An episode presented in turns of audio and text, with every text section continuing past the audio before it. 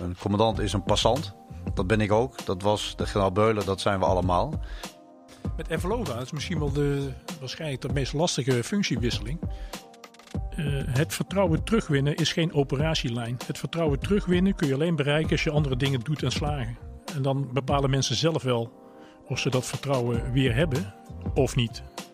Maar dat we morgen beter moeten worden dan vandaag, dat is helder. Omdat uiteindelijk het de, de mensen zijn, uh, de landmachters, die dat operationeel product leveren. Die die gevechtskracht leveren. En dat doet niemand anders. En zijn juist de jonge mensen die met energie en frisse ideeën komen.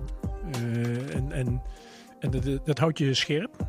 Uh, en je kunt natuurlijk ook nog wat van je ervaring overbrengen, maar niet, niet te veel. Dat ze het zelf maar ontdekken. En ik, ik kijk er echt naar uit om daaraan mee te doen. Welkom bij mijn missie, de wekelijkse interviewserie van Landmacht FM. Mijn naam is Patrick Regan. De Koninklijke Landmacht krijgt vandaag, 28 augustus 2019, een nieuwe commandant. Eh, luitenant-generaal Leo Beulen draagt zijn bevel over aan luitenant-generaal Martin Wijnen. We spreken de generaals over de rol van de commandant landstrijdkrachten de afgelopen drie jaar. En we kijken natuurlijk naar de toekomst. Um, dus ik zeg als eerste welkom generaal Beulen. Dankjewel. En welkom generaal Wijnen. Dankjewel. Ik hoop dat we zo meteen de stemmen uit elkaar kunnen halen. Dat gaat natuurlijk lastig worden. Maar als eerste wilde ik aan generaal Beulen vragen. Um, u doet afstand van een functie waar u misschien wel een hele loopbaan naartoe hebt gewerkt. Hoe voelt dat? Nou, op de eerste plaats uh, is je werkt niet je hele loopbaan toe naar deze functie. Want dat zou wel heel erg uh, pedant zijn als je denkt dat je van de KMA afkomt en je denkt daarna commandant landstrijdkrachten te worden. Dat heb je pas op het allerlaatste moment in de gaten als gepraat wordt wie dat moet worden. Dus de, de hele, hele aanloop hier naartoe heeft daar niets mee te maken. Het heeft gewoon te maken met dat je hele mooie functies doet in het operationele domein. En later in de staf. En dat is mijn advies ook altijd. Geniet van de functie die je doet en kijk niet te veel naar wat je in de toekomst gaat doen. U, ja, u, vertrekt als commandant landstrijdkrachten. Wat, is een, wat doet die dan? U, staat aan het hoofd van de landmacht, maar ik neem aan dat, het wel, uh, dat er wat meer uitleg achter zit. Het is, um, het is heel bijzonder, een dag als vandaag, als je nadenkt uh, wanneer je het zelf overgenomen hebt, dat is bijna 3,5 jaar geleden. Dan realiseer je echt dat tijd heel snel voorbij gaat. Want dat is, als we straks op, in Breda de commando overdragen, dan heb ik het namelijk ook overgenomen. Dus net of je net de hoek om bent geweest en weer terugkomt. maar wat je feitelijk doet als commandant landstrijdkrachten, is richting geven de organisatie. En de mensen die voor je werken, de staf van de landmacht en de ondercommandanten, de eenheden.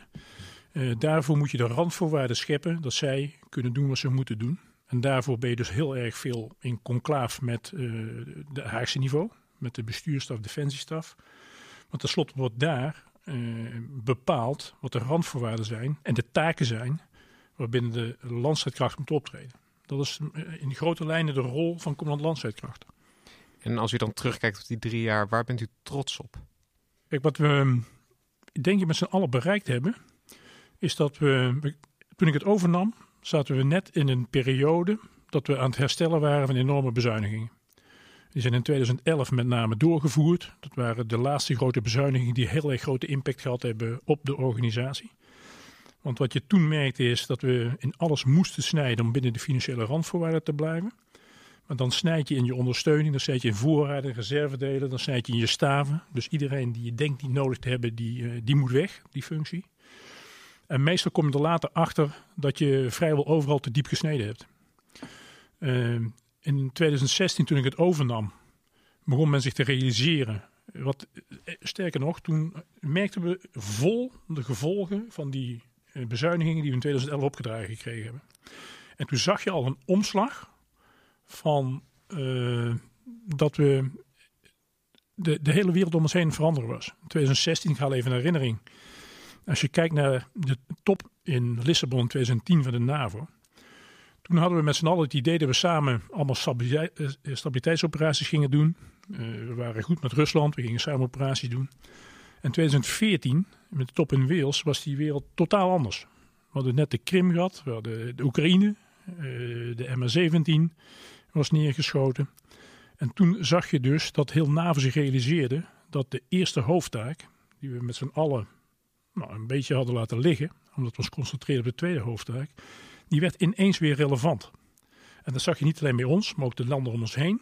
Uh, collectief het idee van, hey, dit is anders dan we gewend waren. Je zag toen nog een realisering in, in heel Nederland, in heel Europa, de hele NAVO, dat we eh, niet verder konden met bezuinigingen, maar dat er meer geld bij moest bij Defensie. Dat is ook gebeurd met het regeerakkoord, hebben ook geld erbij gekregen. Dus ik kwam in een periode, nam ik het commando over, waar duidelijk werd dat we meer geld gingen besteden aan Defensie, omdat de taken weer anders werden en we anders moesten organiseren. Dus feitelijk ehm, is vanaf het begin af aan dat ook de richting geweest.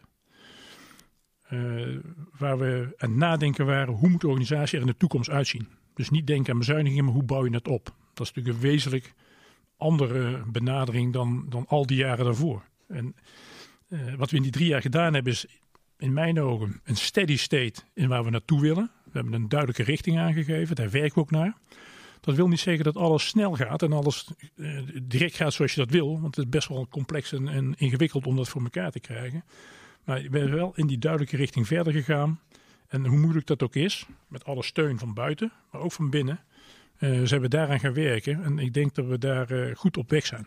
We zijn er nog lang niet, met z'n allen. Want we zitten nog midden in de uitvoering van de maatregelen die we toen in gang gezet hebben. En die maatregelen zijn eigenlijk het begin van het herstel. Dus er moet nog veel meer gebeuren. Maar dat we dat, dat opgepakt hebben, die weg op zijn gegaan, daar ben ik wel echt blij mee. Uw opvolger, u hoort dan de weg waar we nu dus zijn ingeslagen. En u moet die weg nu verder gaan bewandelen. Wat denkt u daarvan? Nou, dat, dat, dat ga ik met veel vertrouwen doen. Laat ik vooropstellen dat ik uh, de generaal Beulen veel dank verschuldigd ben over uh, alles wat hij voor de landmacht heeft betekend. een commandant is een passant. Dat ben ik ook. Dat was de generaal Beulen, dat zijn we allemaal. maar in de tijd dat je als passant zeg maar de stuur in handen hebt, gebeurt er van alles nog wat. En er is de afgelopen jaren heel veel gebeurd. En uh, daar heeft de generaal Beulen, denk ik, uh, uh, met al zijn kennis en kunde voor de landmacht heel veel betekend. Dus laten we dat voorop stellen. Maar dat betekent wel dat er hierna een andere passant komt. En wat mij betreft hoeft dat niet zeg maar passant te zijn dat ik morgen weer weg ben. En dat we daar de komende jaren wel ehm, zeg maar dat stokje gaan overnemen. en inderdaad dus die richting gaan geven. en dan constateren we dat we. Uh, er is veel gewijzigd. Er zijn grotere budgetten. Uh, er is een andere manier worden gekeken naar de krijgsmacht. Uh, we moeten weer groeien. We, er is weer aandacht voor de eerste hoofdtaak. maar dat is toch ook wel heel vaak nog conceptueel. We denken erover, er zijn plannen, et cetera. En wat we ook constateren, is dat onze collega's, de landmachters op de werkvloer, zeggen: ja, prachtig, maar we zien nog zo weinig resultaat. Dus het is nu ook wel tijd om aandacht te gaan besteden aan boter bij de vis. Dat uh, al die collega's het verschil gaan merken. En ik denk dat we uh, nu met de arbeidsvoorwaarden een hele mooie stap hebben gezet. Want de arbeidsvoorwaarden waren uh, naar mijn idee een symptoom van een veel breder probleem. Namelijk een gebrek aan erkenning en waardering die onze mensen voelden. Erkenning van, ja, zien we met z'n allen wel onder wat voor omstandigheden wij ons werk moeten doen. Heel veel regelgeving en, en oude infrastructuur en materieel wat het niet doet, et cetera, et cetera. En gebrek aan waardering. Uh, onder andere in, in financiële zin, de arbeidsvoorwaarden, maar ook de mogelijkheid om als professional je werk te kunnen doen. Uh, en dan zijn arbeidsvoorwaarden zijn een goede stap, een hele belangrijke stap. Uh, maar dat is wel een stap naar nog veel meer. Omdat uiteindelijk het de, de mensen zijn, de landmachters, die dat operationeel product leveren. Die die gevechtskracht leveren. En dat doet niemand anders.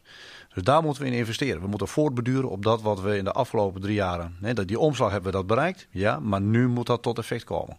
Over dat onderwerp wilde ik generaal Beulen nog vragen. De, de laatste periode is het, uh, het vertrouwen in de top is op een dieptepunt geweest. Mag ik dat zeggen ja, zo? Zeker. Um, hoe is dat voor u geweest? Want dat lijkt me best moeilijk om dan aan de top te staan en te zien dat het personeel ja, het zo moeilijk heeft. Weet je wat hier, wat je hier ziet is de, het, de tijdfasering tussen een besluit in Den Haag, uh, het uitvoeren van de plannen bij de staf in Utrecht.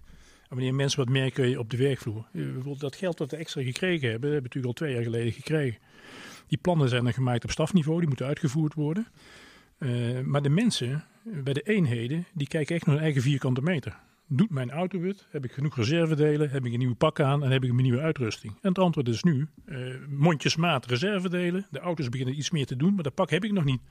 Behalve de mensen die op uitzending gaan. Dus die zien pas verandering op het moment dat je zelf merkt. En dat is uh, die tijdvertraging die erin zit. En dat is wat, net wat generaal Wijn ook zei. Uh, dat symptoom van die arbeidsvoorwaarden. Daar hebben de mensen de kans gekregen om. Daar konden ze nee zeggen. En ze hebben ook nee gezegd. Dat is niet alleen tegen die arbeidsvoorwaarden, maar tegen al die omstandigheden. Dus ik ben ook heel blij, echt heel blij dat we nu die uh, arbeidsvoorwaardenkort gesloten hebben.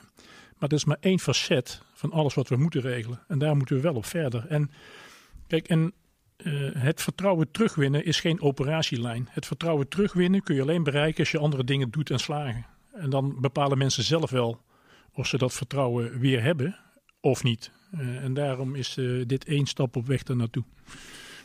Ik ga u de moeilijkste vraag stellen die je aan een vertrekkend persoon waar dan ook zou kunnen vragen. In uw periode hier, wat had u beter kunnen doen? Of wat had er beter gekund? Oh, dat is. Um, kijk, als je. Ik kan er geen 1, 2, 3, 4 dingen zo uithalen. Maar er zijn een heleboel dingen die anders hadden uh, gekund. Of sneller hadden gekund. Of waar je de prioriteiten misschien anders had kunnen leggen. Um, want je bent altijd, als je keuzes maakt, uh, dan moet je niet tevreden zijn met jouw keuze. Maar je zult altijd in de gaten moeten houden, ontwikkelt het zich zo zoals je dat gedacht had. En er zijn een aantal dingen die, uh, die we gewoon niet goed gedaan hebben. Die we later gerepareerd hebben. Uh, of waar we communicatief het niet zo handig hebben aangepakt. Nou, die stop je in je rugzak en die doe je de volgende keer anders. Dat, zo wijs moet je wel zijn. Dat je dat wel meeneemt als les voor de volgende keer. En dat de volgende keer gewoon anders aanpakt. Is het dan ook een beetje um, fouten zal je altijd maken en dan is het een kwestie van naderhand ja, uh, leren van die fouten. Uh, maar eigenlijk hadden we ze inderdaad altijd wel gemaakt. Nou, kijk, je moet gewoon streven naar, uh, naar nul fouten. dat je dat haalt is een, denk ik een utopie. en het is ook niet zo dat je dat... kijk, alleen we hebben een enorme goede staf. Die adviseert op allerlei gebieden. Maar we hebben zoveel te doen dat er af en toe ook wel eens dingen tussendoor slippen. Of dat je het verkeerd interpreteert of dat ik een verkeerd besluit neem. Uh, en dan achteraf blijkt dat dat zo is. Maar dan moet, je, dan moet je ook zo dapper zijn om dat te erkennen. En niet eigenwijs zijn. En als het nodig is, moet je zelfs bereid zijn om terug te draaien en het anders aan te pakken. Ik heb uw loopbaan eens doorgekeken en daar zie ik uh, hoofdoperaties bij het eerste legerkorps. Toen stond u misschien zelfs enigszins persoonlijk aan de basis van dat Duits-Nederlands legerkorps. Daar bent u plaatsvervangend commandant geweest. U was uh, de week voor uw aantreden is het 43e brigade geïntegreerd in de eerste Duitse panzerdivisie. In 2018 is er een Duitse luchtverdedigingseenheid geïntegreerd in het Nederlandse uh, DGLC. Um, kan ik zeggen dat u Duits-Nederlandse samenwerking inmiddels wel ademt?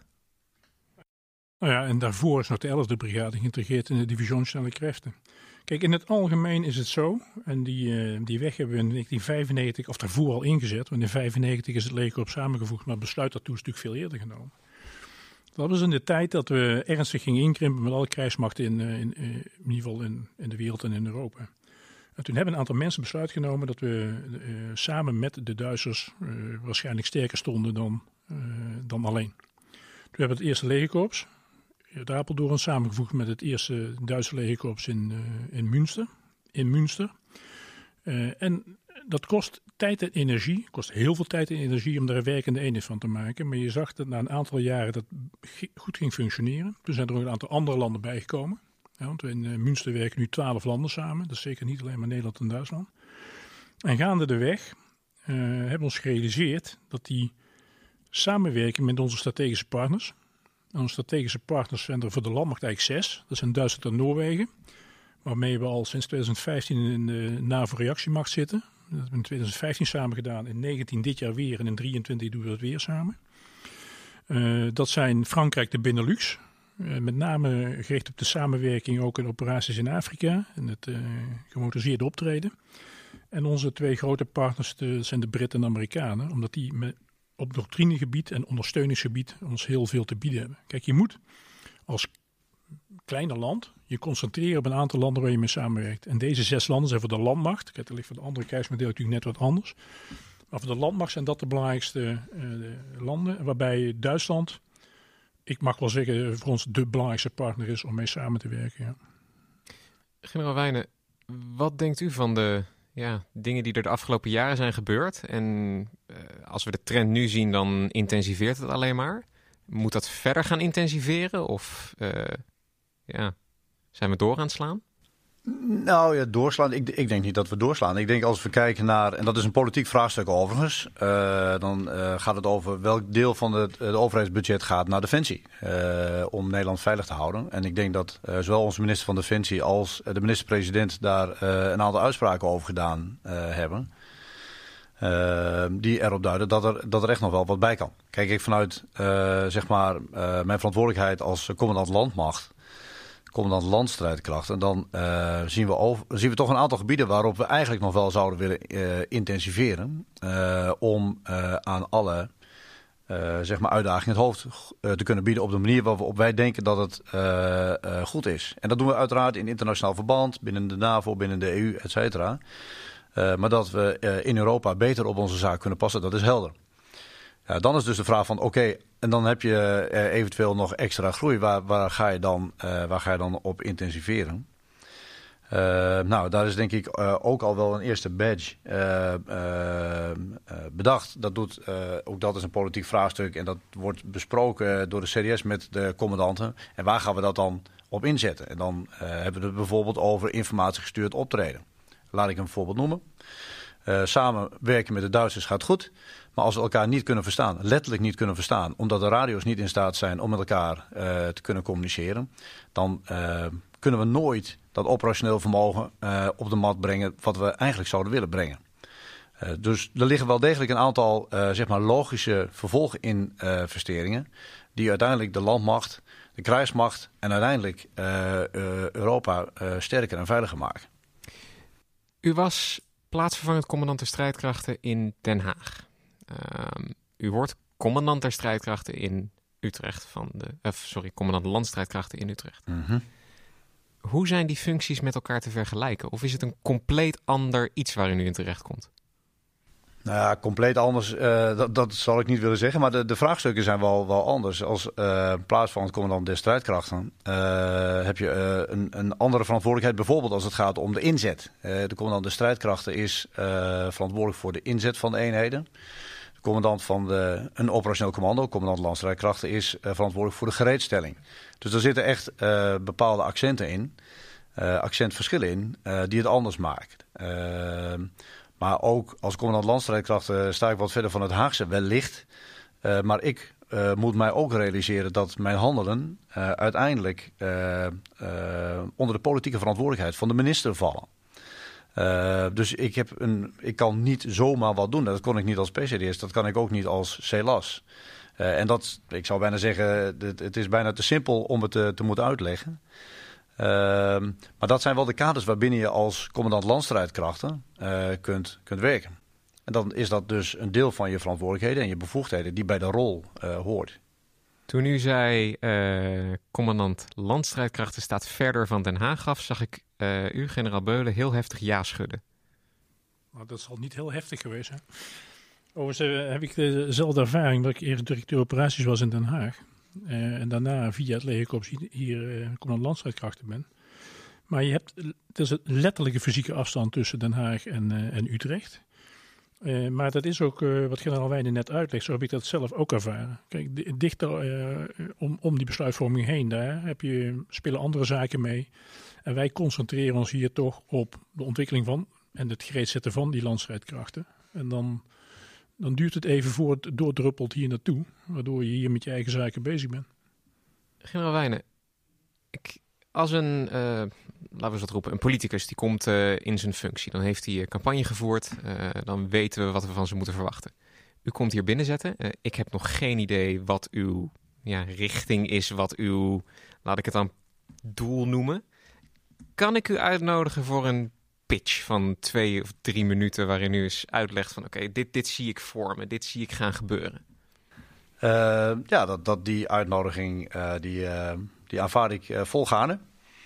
Uh, sterker nog, ik denk dat dat noodzakelijk is. Uh, ik, het zou aanmatigend zijn als ik uh, op deze dag zou vertellen: Nou, dit wordt mijn agenda en dat, gaan we, dat gaan we dan allemaal doen. maar als aan het eind van het jaar nog niet duidelijk is waar de nieuwe commandant landstrijdkrachten zijn accenten wil leggen, dan weet ik niet of ik zeg maar helemaal voldoe aan de verwachtingen. Dat is één. Maar ik denk dat het een, en twee, dat dat een essentieel deel is van het richting geven, dat je aangeeft waar het naartoe gaat. Uh, en dat is dan niet alles is belangrijk. Ja, tuurlijk, alles is belangrijk. Maar sommige dingen zijn uh, nog iets belangrijker. Omdat ik in mijn afweging en in mijn gesprekken en na het consulteren van de staf... en zeker na het consulteren van de ondercommandanten... zeg nou ja, ik denk dat dit en dit en dit met prioriteit moet worden opgepakt. Dus die uh, uitnodiging die aanvaard ik van harte. Dan zeg ik, kom maar op. Uh, en ik, ja, ik zeg, kom maar op. en dat kan in een, in een podcast, dat kan in een vlog, dat kan in... Ik bedoel, we leven in 2019, het is bijna 2020. Er zijn diverse manieren waarop je kunt vertellen uh, waar het naartoe gaat. Dat is denk ik het moderne leiderschap waar we uh, allemaal deel van uitmaken. ik kan wel zeggen dat er een aantal gebieden is waar ik nadrukkelijk naar kijk. En dat, dat ik denk dat ik daar ook wel een, een paar dingen over kan zeggen... En dat dat ook nog niet eens te aanmatigend is op deze dag. En dan ga je natuurlijk zeggen van, nou, wat zijn dat dan? Ik blijf gewoon heel indringend kijken en dan hoop ik dat het komt.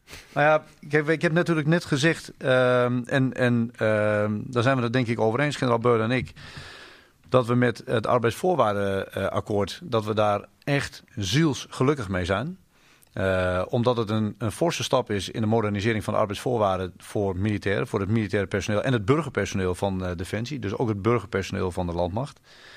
Uh, maar dat er nog wel een stuk achteraan komt. We, we, gaan eigenlijk, as we speak, alweer in onderhandeling met de vertegenwoordigers van de werknemers, militairen en burgers, om een vervolgstap te zetten. Uh, en dat gaat dan overwegend onder leiding van de staatssecretaris en haar team, hoofddirecteur personeel.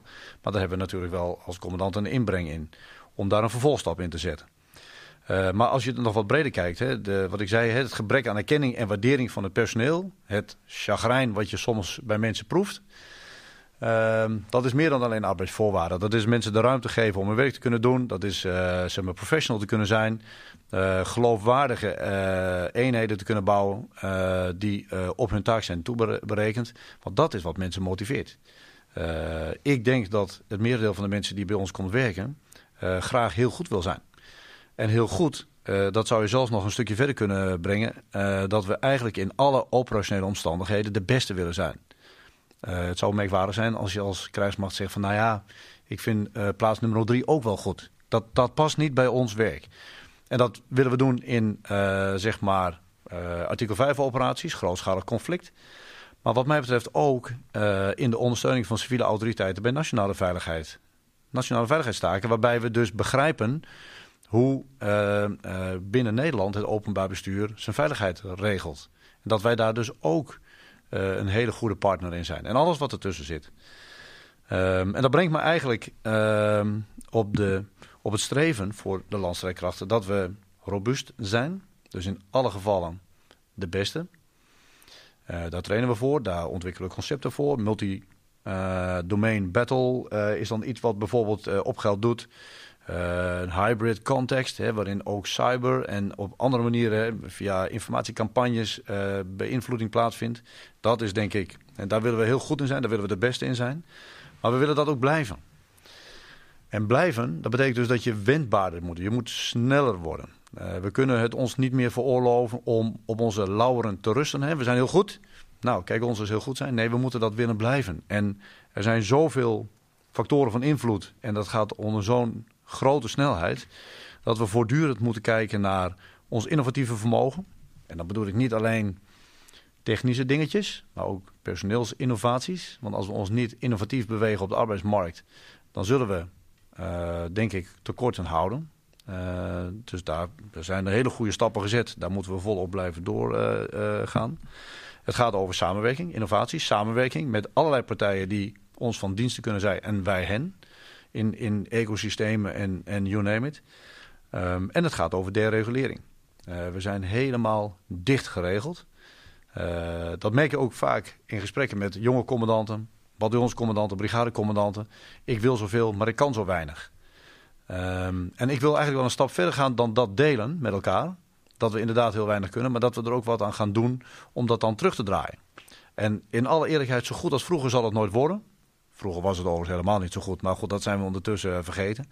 Maar dat we morgen beter moeten worden dan vandaag, dat is helder. En daar zijn we met z'n allen bij. De hele landmacht.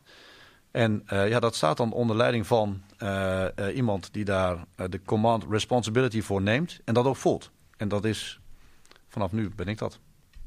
Een maandje terug was er in het nieuws dat de, de luchtmacht er acht extra F-35 vliegtuigen bij krijgt. Um, de marine krijgt mijnenjagers.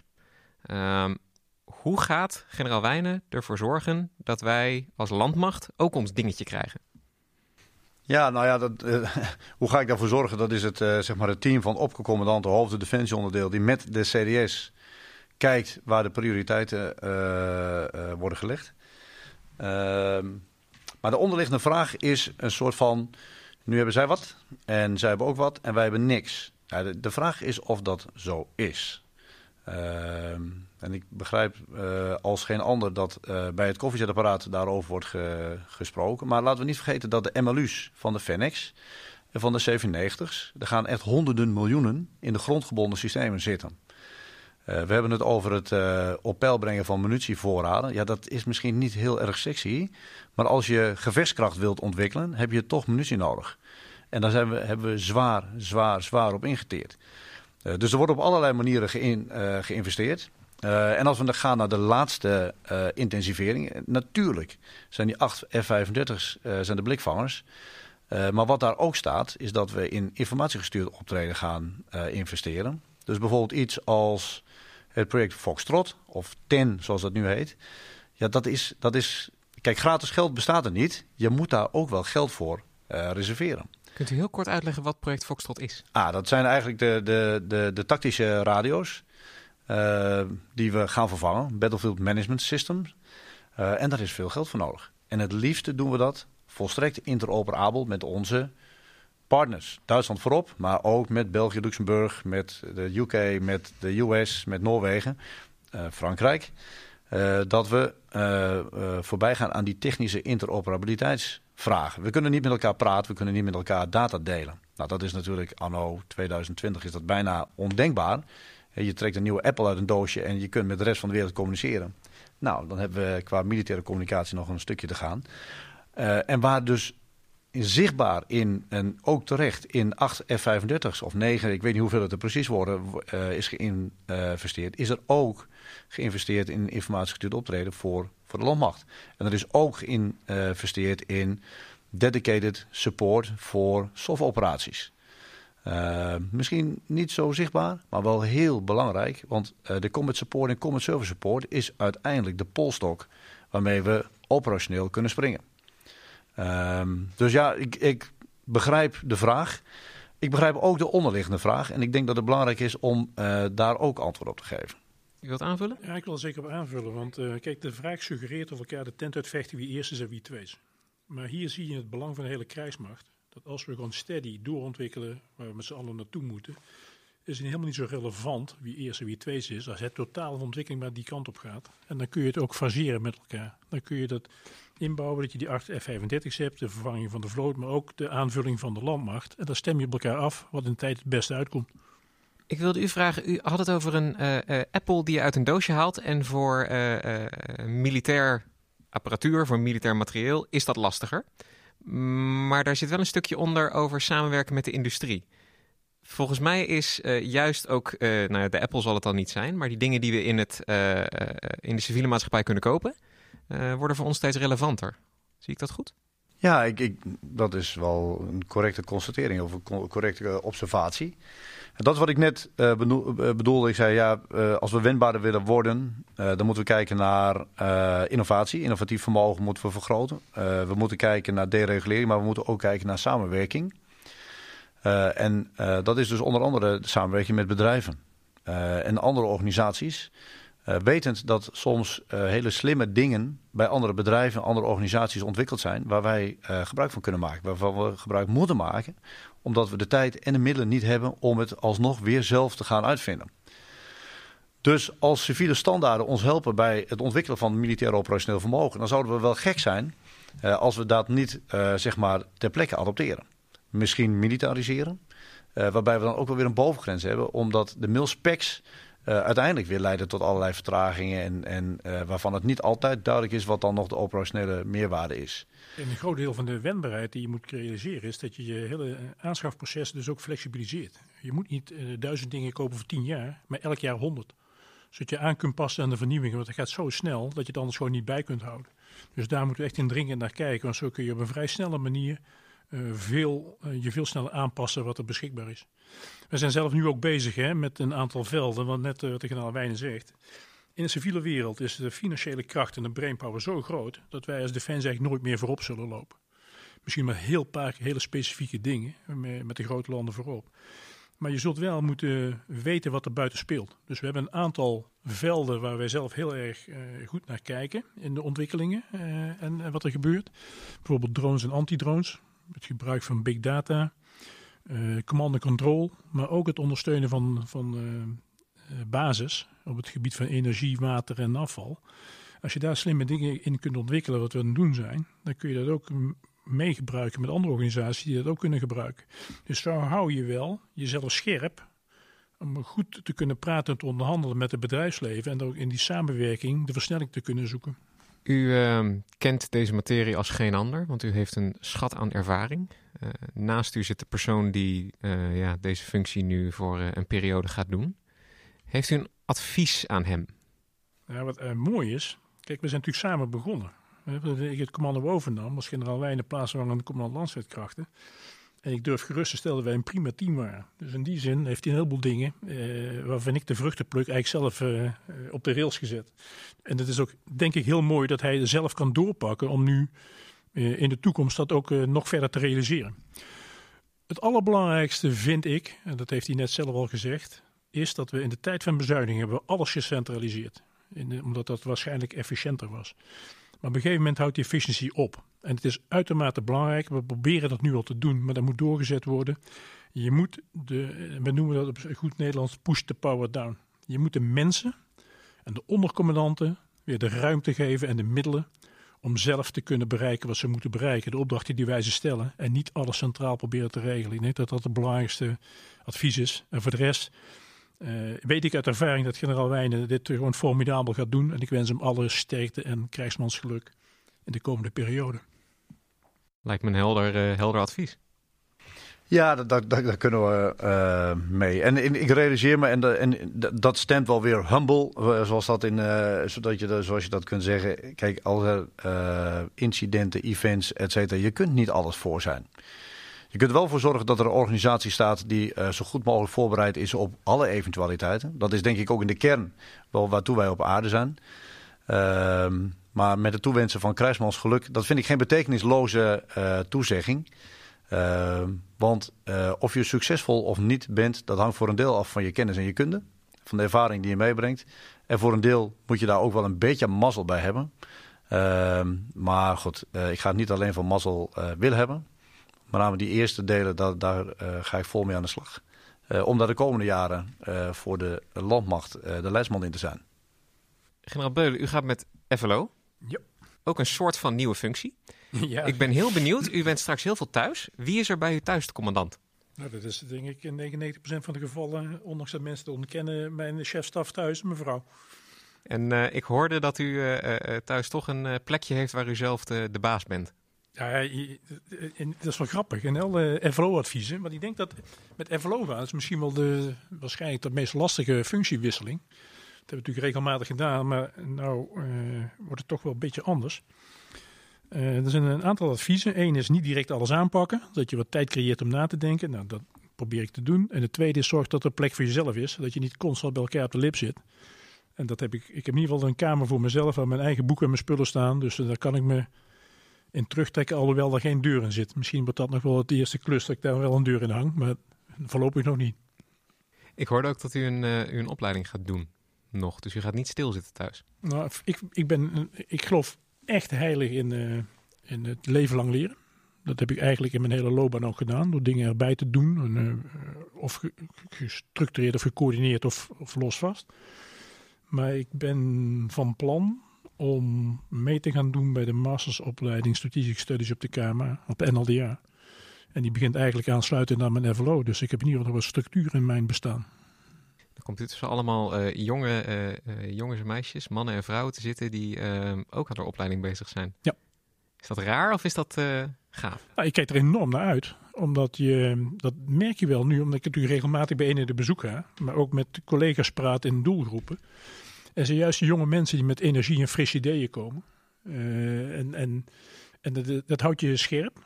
Eh, en je kunt natuurlijk ook nog wat van je ervaring overbrengen. Maar niet, niet te veel. Dat ze het zelf maar ontdekken. En ik, ik kijk er echt naar uit om eraan mee te doen. Onwijs bedankt voor het luisteren. Mijn gasten vandaag waren luitenant-generaal Martin Wijnen en luitenant-generaal Leo Beulen. Ben je nou fan van de show? Help ons door een review achter te laten op Apple Podcasts of Stitcher. Of raad de show aan bij vrienden, familie, collega's. En ben je nou benieuwd naar een onderwerp dat wij echt moeten behandelen? Eh, tweet ons dan met de hashtag Mijnmissie of stuur ons een bericht op Facebook of Instagram. Mijn missie is een productie van de Koninklijke Landmacht. Nieuwe afleveringen komen iedere maandagochtend online en je vindt ze in de meeste podcastspelers. Gewoon zoeken op Mijn Missie. Je volgt Koninklijke Landmacht via Twitter, Instagram en Facebook en YouTube. En check defensie.nl voor het laatste nieuws rondom de krijgsmacht. Nogmaals, onwijs bedankt voor het luisteren en tot volgende week. Nou, perfect. Dat ook. En wanneer gaan we het nou opnemen dan? Ik ga nu op start drukken.